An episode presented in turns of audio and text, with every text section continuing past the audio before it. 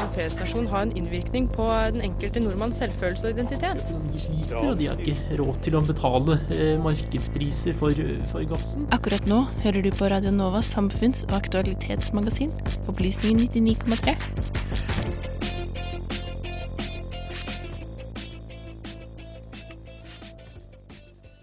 Volden i Oslo-skolene øker, både mellom elever og elever, og elever og lærere. Hva er egentlig grunnen til det? Brunei har nå vedtatt at de skal ha sharialover, bl.a. at sex mellom menn skal straffes med steining. Hvordan er egentlig Brunei som land, og hvorfor har de vedtatt det her? De nye elsparkesyklene har tatt Oslo med storm, men det er stor splid i media om de her er positive eller ikke. Skal de ha lov eller ikke? Hva mener folket, og hvordan sykler er det egentlig snakk om? Alt det her og mer skal du få høre om i ukas Opplysningen 99,3 her på Radio Nova. Visste du at som norsk statsborger må du betale nesten 200 000 kroner mer for en treårig bachelorgrad enn det studenter får? Det er et land som på en måte er eh, stadig i konflikt, og som har vært igjennom eh, mye konflikt. Markedsføringen av Norge som en fredsnasjon har en innvirkning på den enkelte nordmanns selvfølelse og identitet? De sliter, og de har ikke råd til å betale eh, markedspriser for, for gassen. Radio Novas samfunnsprogram Opplysningen 99,3 hver fredag mellom 10 og 11.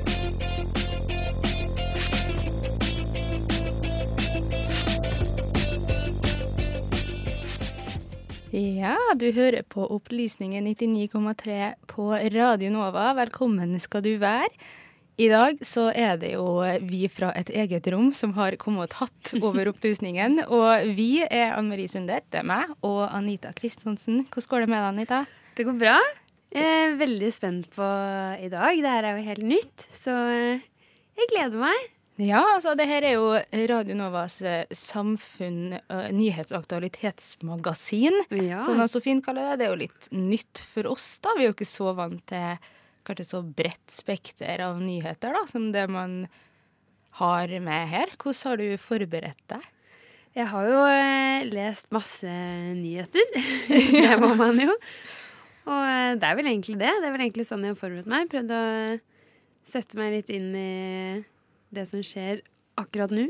Mm, ja, jeg tror egentlig jeg har gjort litt det samme òg. Vært litt sånn Scrolla gjennom absolutt alle nyhetssider jeg kom på på bussen på vei hit i morges. For være litt sånn Tenk om jeg gått glipp av noe stort som har skjedd i dag. My God, vi må jo få med alt. Men eh, vi skal jo innom ganske mange ulike ting i løpet av dagen i dag. Vi skal snakke litt om vold i Oslo-skolen og Brunei, som har vedtatt ting som jeg tenker bare er helt klikka klekka, for å være ærlig.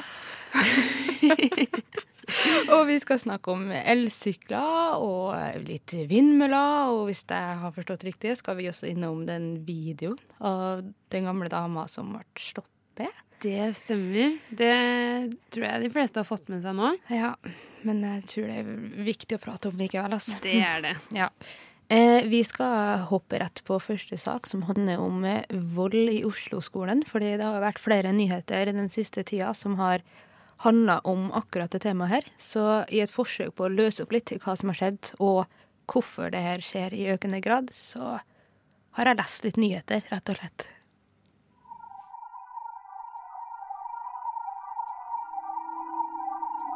Over 3000 episoder av trusler og vold mot lærere i Oslo-skolen ble rapportert inn i løpet av 2017, og antallet voldsepisoder er høyest blant de yngste elevene, dem mellom 6 og 12 år. Tall fra 2018 viser at volds- og trusselhendelser øker i skolene i Oslo. Antallet av svært alvorlige hendelser økte fra 167 i 2015 til 436 i 2017, og antallet alvorlige hendelser ble nesten tredobla, fra 425 i 2015 til 1219 i 2017. HR-direktør i Utdanningsetaten Anne Tveitan Ferginak sa til Aftenposten i 2018 at noe av økninga skyldes bedre rapportering. Samtidig blir det fra skolene rapportert om en faktisk økning i antall voldshendelser.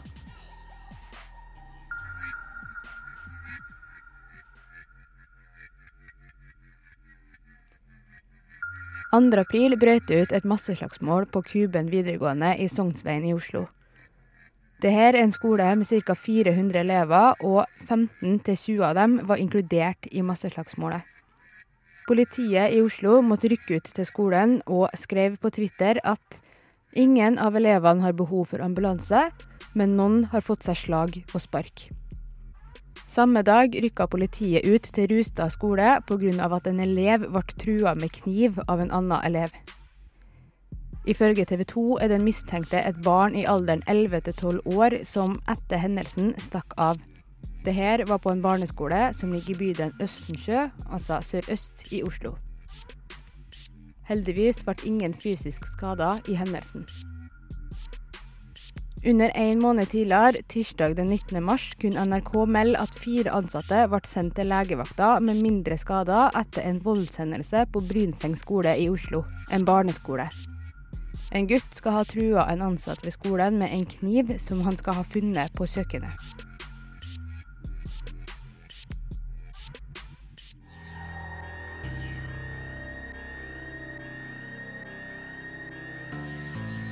I mai i 2018 la Utdanningsetaten fram en rapport for antall vold- og trusselhendelser mot ansatte i 2017.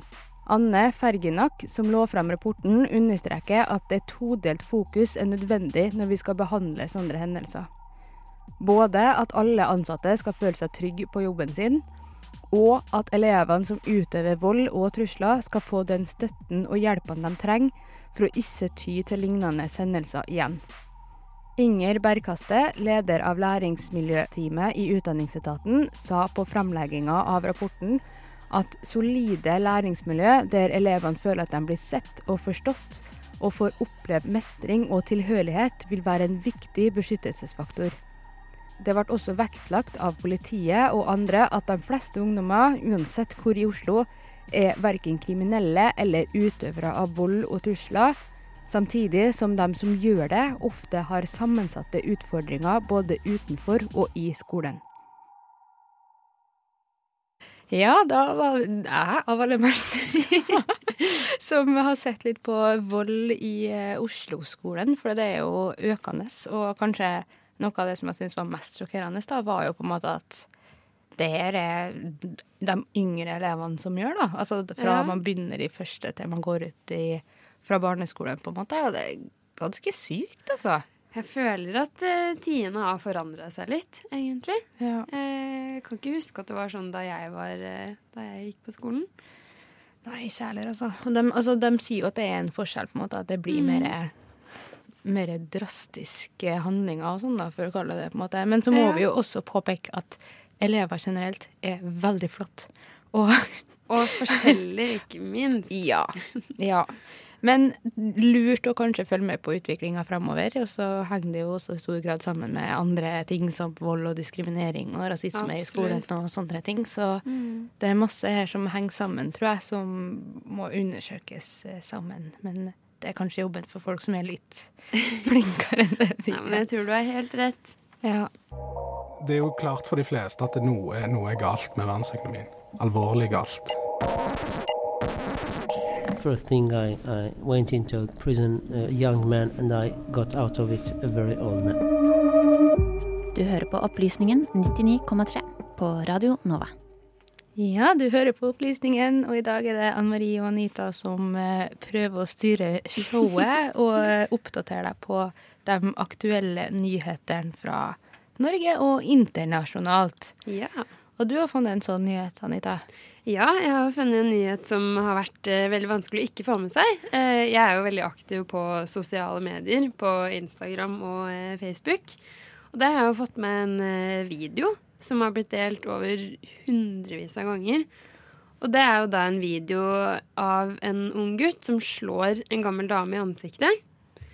Eh, og dette starta jo rundt klokka halv elleve mandag 1. april. Eh, da fikk politiet i Innlandet en melding om at fire ungdommer fra en eh, lokal barnevernsinstitusjon eh, på Rena utførte skadeverk rundt i Rena sentrum.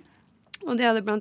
knust ruter, kuttet opp dekkene på flere biler og eh, ranet en yngre gutt og truet med kniv og da båret kniv rundt på offentlig sted. Og de hadde også forsøkt å starte en brann. Og eh, ungdommene de, er, de var rundt eh, 14-16 år. De hadde ødelagt noen postkasser på en eiendom. Og det var da 82 år gamle Norunn Lemberget eh, gikk ut for å be guttene om å gå. Og, og hun sa også at hun ville ringe politiet hvis de ikke sluttet å bråke og forlot eh, eiendommen hennes. Og da svarte 15-åringen eh, at eh, han har ADHD og kan klikke noe inn i helvete, før han da slo henne i ansiktet.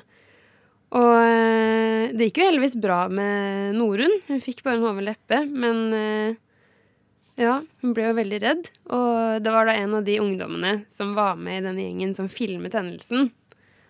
Og delte den på sosiale medier. Eh, og nå har det jo blitt lagt ut eh, Insta, eller blitt laget Instagram-kontoer eh, som dreier seg om denne saken. Den har blitt delt hundrevis av ganger på Facebook, som sagt. Så det har jo blitt en veldig stor greie på sosiale medier.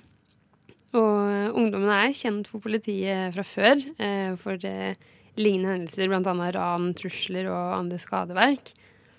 Eh, men ja, denne vinen har jo spredd seg som ild i tørt gress, og, eh, og nå har da huset til eller der 15-åringen bor, eh, blitt angrepet av ukjente gjerningsmenn. Det opplyser jo politiet i Innlandet til NRK, og han må da bo på en hemmelig adresse, da, som følge av det.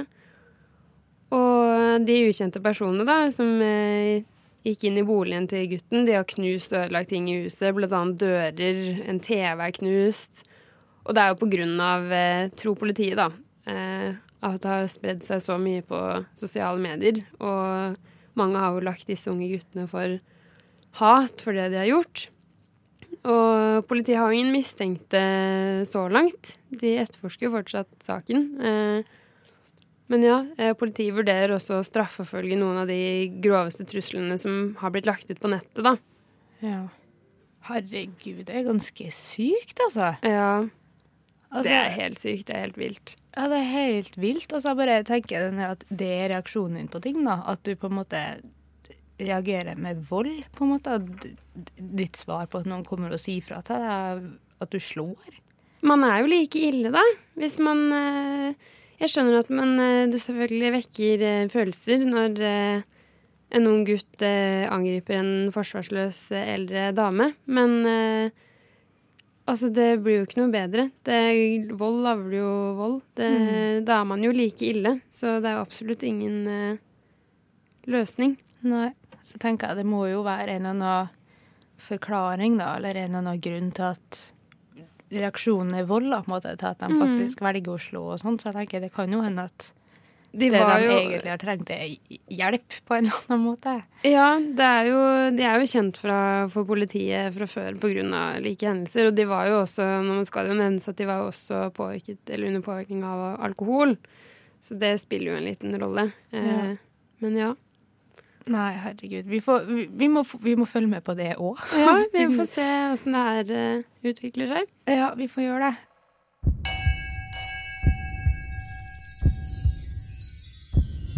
Ukas opplysning.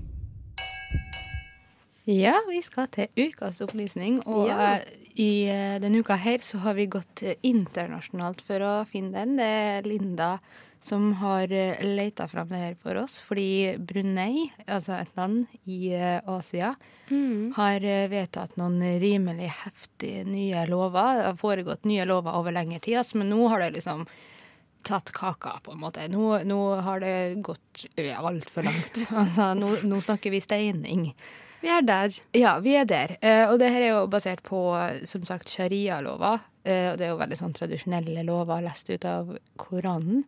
Så for å prøve å forstå det her litt mer, så har Linda sett på hvordan land er Brunei, hva skjer egentlig der, og ikke minst hvorfor har man vedtatt sånne lover. Landet er i dag en rik oljenasjon og anses som et av de mest politisk stabile landene i Asia, men med svært begrensede demokratiske rettigheter. Det har gult flagg med én hvit og én sort stripe tvers over, og riksvåpenet i rødt midt i.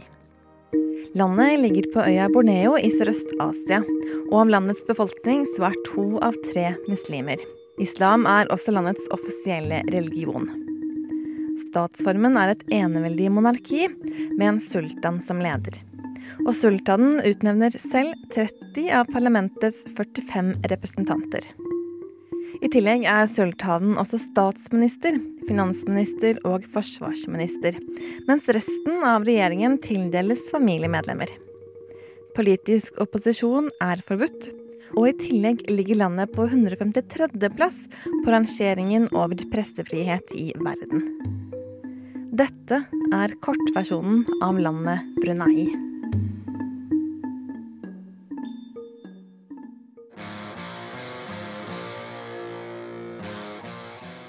I 2013 varslet Brunei at sharialover skulle innføres i landet.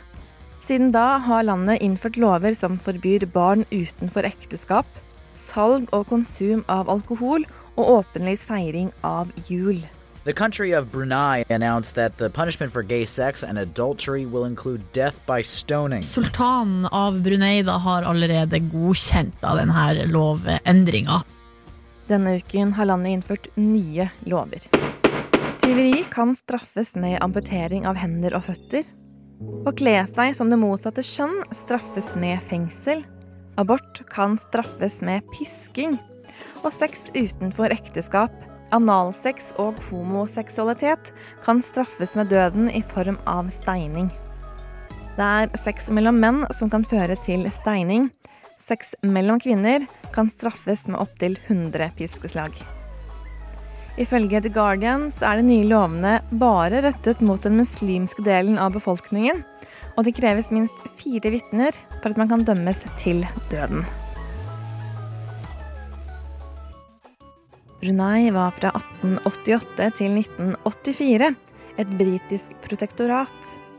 Det vil si at landet avsto deler av sin suverenitet til britene, men beholdt noe selvstyre. Og det var britene som i sin tid innførte et forbud mot homoseksualitet. Et forbud som til og med tirsdag i denne uken kunne straffes med inntil ti år i fengsel. I en uttalelse fra statsministerens kontor, gjengitt av bl.a. CNN, heter det at sharialoven skal kriminalisere og avskrekke handlinger som er imot islams lære. Og har som mål å utdanne, respektere og beskytte de legitime rettighetene til alle individer. In a statement to the site, a researcher at Amnesty International said, quote, To legalize such cruel and inhuman penalties is appalling of itself. The High Commissioner for Human Rights, Michelle Bachelet, urged today the government of Brunei to stop entry into force of a new penal code which would enshrine in legislation cruel and un- inhumane punishment in breach of international human rights law, including death by stoning. Organisasjoner som FN og Amnesty og andre menneskerettighetsorganisasjoner har kritisert de nye lovene. Og landet har motsatt stort press fra andre land om å endre eller fjerne loven. Det har ikke vært aktuelt. Og lørdag 30. april sendte landets statsminister ut en pressemelding.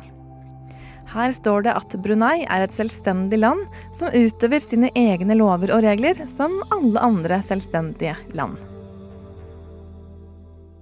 Shahiran Shahirani is a gay man from Brunei, but he's now in Vancouver hoping to get asylum in Canada. I was never open in Brunei about my sexuality. I would try to hide it from everybody around me.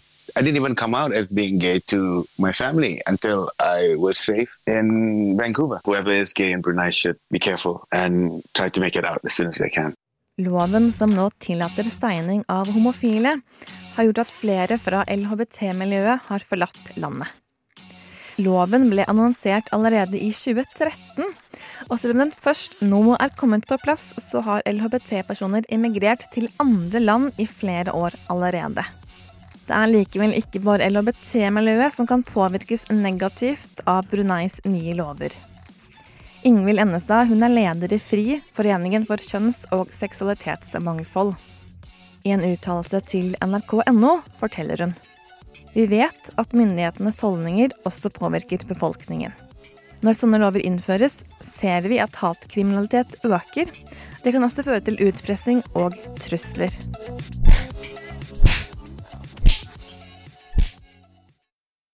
selv om utvinning av olje har gjort Brunei til det rikeste landet i regionen, så har landets økonomi krympet de seneste årene. Eksperter som finske Yle har snakket med, mener de nye lovene kan bidra til å gjøre sultanen mer populær hos de mest konservative muslimene i landet. Det kan i så fall føre til at den politiske stabiliteten vedholder i det lille landet. Til tross for en svakere økonomi og de følgene det har for befolkningen. Jeg vet ikke hva man skal si til det i 2019. Altså, dødsstraff med steining. Ja, det var Linda Therese Rosenberg som ga oss eh, ukas opplysning og sa at eh, Brunei har vedtatt lover som er, følger sharialovene ganske slavisk, da, hvis man kan kalle det det. Det kan man si. Hva du tenker Anita? Åh, jeg orker ikke.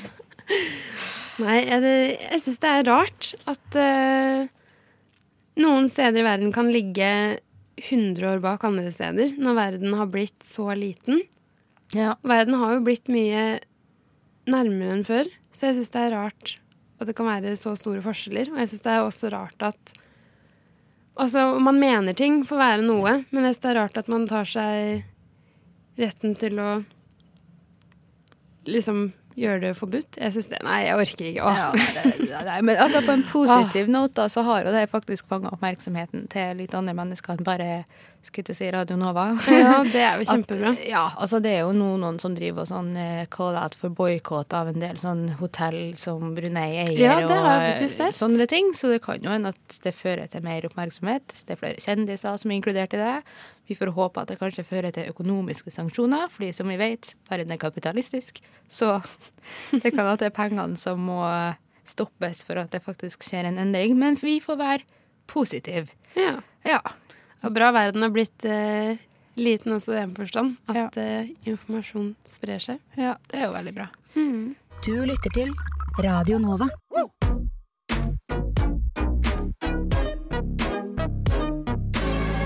Radio Nova. Studentradioen i Oslo. Radio Nova. Ja. ja. Hva? Nova? Ja, du hører på Radio Nova. Ja. Enda mer bestemt eh, Opplysningen 99,3. denne fine fredags eh, formiddag nå. Ja, det er vel det. Ja, det er kanskje det. Er kanskje det. Ehm, eh, ja.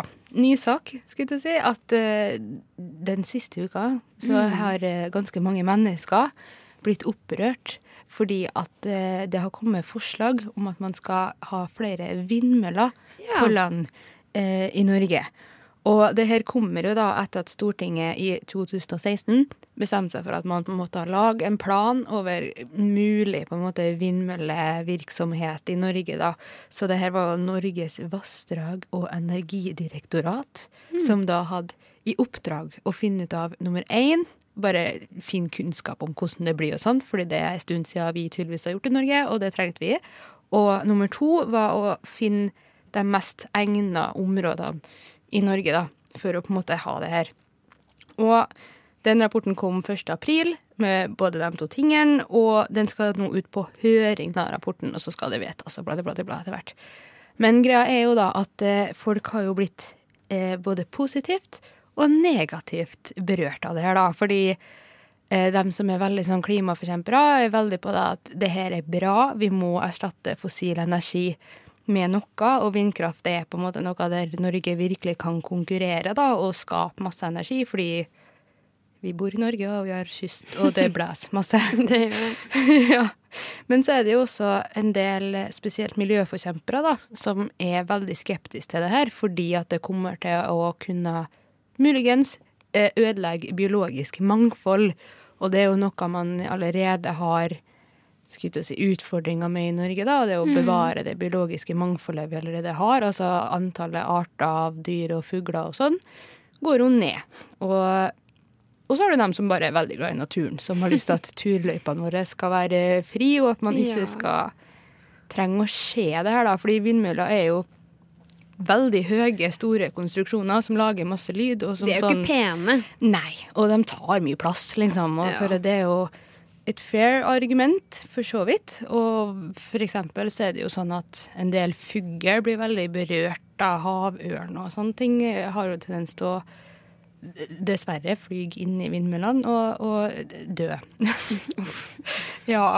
Og supertrist. Eh, men så er det jo noe med det, da, at hvis man skal ta den klimakrisa som vi nå har på alvor, så er vi på en måte nødt til å ofre noe for å på en måte faktisk eh, klare å eh, gjøre det bedre, da. Og det er jo noe Mm. av det Fordi Marius Holm, da, som er eh, leder i Zero, som er en sånn eh, miljøstiftelse, han har vært ute og prata en del om det her at vi er nødt til å ofre noe for å faktisk kunne fikse klimakrisa. Da. Og noe av det vi da må tåle, er bare å se vindmøller. Vi må tåle at de står der.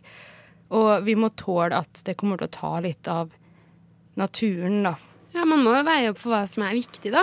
Og eh, jeg syns det er ganske viktig å eh, kjempe for klima. Ja. Og så er det jo noe der man faktisk er, som Norge som land, da, faktisk er konkurransedyktige, på en måte. At mm. det er markedsmessig også lurt. Og mm. det oppfyller jo kravet til det Norge ønsker om å være en eh, si, Europas grønne lunger og en fremdriver innen grønn energi og innovativhet og sånn. Så det har jo også noe med at man skal ta det der internasjonale ansvaret da, som man, som vi i Norge hele tida snakker om at vi skal gjøre. Det sånn Norge skal være en forkjemper. Og så er det sånn, ja, OK, det her er en måte vi kan være en forkjemper på. Men så er det jo eh, flere, eh, Silje Lundeberg eksempel, fra Naturvernombudet, som har gått ut og sagt at ja, vi skal fikse jordkloden, men det inkluderer to ting. Det inkluderer både klimakrisa, men det inkluderer også miljøet og biologisk mangfold. Og det er jo for så vidt et godt poeng. Ja. Nei, jeg har absolutt ikke problem med å skjønne begge sider her i det hele tatt. Og eh, jeg syns det er kjempebra at eh, det har blitt så enormt fokus på klima nå den siste tiden. Kanskje spesielt etter eh, Greta Thunberg, tror jeg hun heter. Mm. Som jeg syns er helt supert. Jeg føler at det har skapt en sånn enorm holdningsendring som er veldig positiv. Ja, det er veldig positivt. Og så, ja. De sier jo også da at en måte å fikse det på er jo også bare å prøve å spare mer strøm, istedenfor å finne Mm. måter der vi kan fortsette å bruke like mye strøm. Så kan vi på en måte finne måter å spare strøm da, og være mer miljøvennlig på generelt basis. Men det blir jo veldig interessant å se hvordan det her utvikler seg, for nå har jo det utvalget da kommet fram til 13 plasser i Norge som man kan ha vindkraftverk, skulle til å si, uten at de har sagt at det her vi skal ha det, eller noe sånt, men her er 13 plasser vi kan. Og så er det jo Blir det noe politisk spørsmål? Ap har jo landsmøte i helga, der de snakker om det. Eh, så vi må nesten bare følge med videre. Ja, det blir spennende å se, da. Ja. Nå skal vi til den eh, altså elsykkelsaken som driver og raserer i norske medier. Ja. Vi har vært ut og spurt folk hva de eh, syns, og prøvd å finne ut av litt hvordan sykler er det egentlig snakk om. I løpet av kort tid har det dukket opp et nytt transporttilbud i Oslo. Elektriske sparkesykler. Du har kanskje sett dem? Som bysyklene kan sparkesyklene låses opp via en app på telefonen. Du trenger derimot ikke sette dem fra deg i noe stativ. Det er bare å sparke dit du vil, avslutte økta i appen når du er ferdig, og la sykkelen stå der det passer deg best. Det er to selskap som har satt ut disse syklene i Oslo, omtrent samtidig. Tyske Tier med røde logoer, og svenske Voi med grønne logoer. Tech.no kan opplyse om at begge selskapene bruker samme sykkeltype, Ninebot fra Segway, med påmonterte ekstrabatterier. Prisen fungerer mye som hos eh, drosjeselskaper. Du betaler en starttakst, som er ti kroner hos begge selskapene, og videre for hvert kjøreminutt. Der er Tier billigere med 1,5 krone i minuttet, mens Voi er dyrere, to kroner i minuttet, men er tilgjengelige i et litt større område.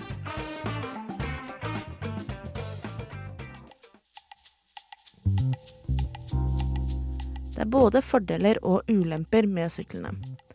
Flere brukere har kommentert på at GPS-en i appen ikke er god nok, og at batteriprosenten som vises i appen ikke alltid er til å stole på. Disse klagene gjelder begge selskapene. Andre har kommentert at det er en morsom og enkel måte å komme seg rundt på, og setter pris på at sparkesyklene er enkle å bruke. Andrea Berg har dratt ut med opptaker for å høre med noen av Oslo-befolkningen om hva de synes om konseptet. Hva syns dere om de nye elsparkesyklene? Vi har ikke brukt dem. Nei, jeg har heller ikke benyttet meg av dem. Men uh, jeg tror det er greit. Jeg vet ikke hvor mye det er i timen egentlig. Nei, i minuttet. Vet ikke, nei. Har dere tenkt til å bruke dem? Jeg vurderer, ja. Vet ikke. Ser han til sommeren. Hyppigere måte å komme seg til stedet man trenger. Ja, man kommer seg jo litt raskere, men jeg synes liksom, man burde jo få litt på seg, da. Mm. Hva syns du om de nye elsparkesyklene? Jeg syns de er kule, men det blir litt sånn mye når folk skal bare legge det rundt sånn på gata. Eller jeg setter de sånn spredt rundt på gatene. Så det kan bli litt sånn rotete òg, føler jeg. Jeg skulle ønske det liksom ble litt mer sånn litt mer markedsført, så flere var liksom mer åpne for å, for får prøve det ut. Jeg syns det er kult. Jeg liker sparkesykkel, liksom. Så. Har dere tenkt å prøve det? Ja, etter hvert, kanskje. Ja. Har vært frista, men uh, har ikke turt. Jeg aner ikke hvordan man bruker det. Det er litt derfor det er det som holder meg igjen. Da. Hva syns dere om de nye elsparkesyklene? Ganske kult. Jeg er fornøyd. Har du brukt dem? Nei. Har du tenkt å bruke dem? Nei. Hvorfor ikke? Nei, det er dyrt, det. Billigere med billett på trikken, så kjører jeg heller på med det. At i stedet for å bli bare en nyere versjon av Kyoto, så vil det kanskje være det man kaller for en balansert pakke. Men eh, vi vet at eh, før eller senere, for det er såpass mange av disse legemene, så er det en med adresse jorden. Og når det skjer, så bør vi være forberedt The phrase they always use is 改变命运, which means change your fate. You know, and they say, I don't want to be a farmer like my parents. Jeg tror jo at uh, internasjonal militære nærvære i de 8,5 årene de har stått i Afghanistan, faktisk har bidratt først og fremst til å gjøre situasjonen verre. Opplysningen 99,3 på Radio Nova. Ja, de er Ja. fortsatt på, vi, i opplysningen i eh, en eh, liten stund til. Vi nærmer oss dessverre slutten, men eh, jeg har jo lyst til å spørre deg, Andrea. Nei, herregud, Anita. Tidlig om morgenen. Ja. Ja. Hva har du lært i dag? Eh, nei, jeg har lært mye nytt. Eh, men det med vold blant unge mennesker har jo overraska meg mest. Mm. Jeg føler meg litt gammel når jeg sier det her, men eh, ungdommen nå til dags, altså. Ja, nei, men jeg er enig i det. Altså, at det er litt sånn skremmende da, hvis Mm. utviklinga vi ser, at det er mer vold i skolen, og unge mennesker angriper gamle damer, skal Ja. jeg si. Og, og sharia Åh, hva skjer med verden? Ja, egentlig litt dystre nyheter i dag. Altså. Ja. Skulle jeg kanskje prøvd å få inn noe sånn superhype, positivt eh, greie inn i miksen. Ja. Det er gøy med disse sparkesyklene, da. Ja, men de har jo gjort fæle ting også. Det er jo allerede Ja. noen som har lyst til å forby dem. Ja, det var vel Blindeforbundet, Mm. hvis jeg husker rett. Ja, fordi det er jo noen som har klart å kjøre på en blind person med en sånn elsykkel. Og så skal jeg helt ærlig innrømme at jeg kan ikke detaljene i den saken her, men jeg forstår jo at noen da liksom slår alarm og blir Ja, litt sånn Ja, det er jo ikke «Hallo». bra. Det går ikke. Nei, det går egentlig ikke så veldig bra. Men eh, jeg tror kanskje Brunei er det som jeg syns var mest spennende fra den sendinga her, altså. Mm. Jeg bare klarer ikke å få hodet mitt til å forstå at det fins et land som tillater sånne ting. Det, bare, det høres så fjernt ut. Ja, jeg syns det høres ut som da man gikk på barneskolen, og eh, det var barn ute som var sånn 'Nå skal vi leke krig'. Ja. Nei, jeg, jeg skjønner ikke helt at eh, Det er så fjern virkelighet for meg. Ja, enig, enig. Har det vært gøy å ha opplysningen, da? Det har vært veldig gøy. Det er jo alltid gøy å prøve noe nytt. Veldig spennende. Og jeg har kost meg. Har du kost deg? Ja, jeg har egentlig det. altså. Ja. Det er artig å utfordre seg sjøl og bli litt utfordra på hvordan man kan gjøre radio på litt eh, annerledes eh, måter. Ja, det var jo ikke så skremmende som vi hadde trodd rett Nei. før vi gikk der. Nei, det gikk greit, altså. Jeg tror det Det gikk gikk greit. greit. Ja. Du, vi må nesten bare avslutte. Ja. Eh, Det er jo du, Anita Kristiansen, og meg. Anne-Marie Sundet, som har vært med deg den siste timen i studio. Og så må vi si tusen takk til Linda Therese Rosenberg og Robin Frøyen og Andrea Berg for at de har eh, hjulpet oss med nyhetssaker. Så må vi si takk til teknikeren vår, Annik Bogen. Takk for eh, hjelpa. Veldig solidarisk å hoppe inn i Nytt format. Ja. Takk for at det er ikke så enkelt heller. Eh, sjekk opplysningen på sosiale medier. Shout-out Ja. til opplysningen. Alltid fint med shout-out på slutten, tenker jeg. Ja. Ja.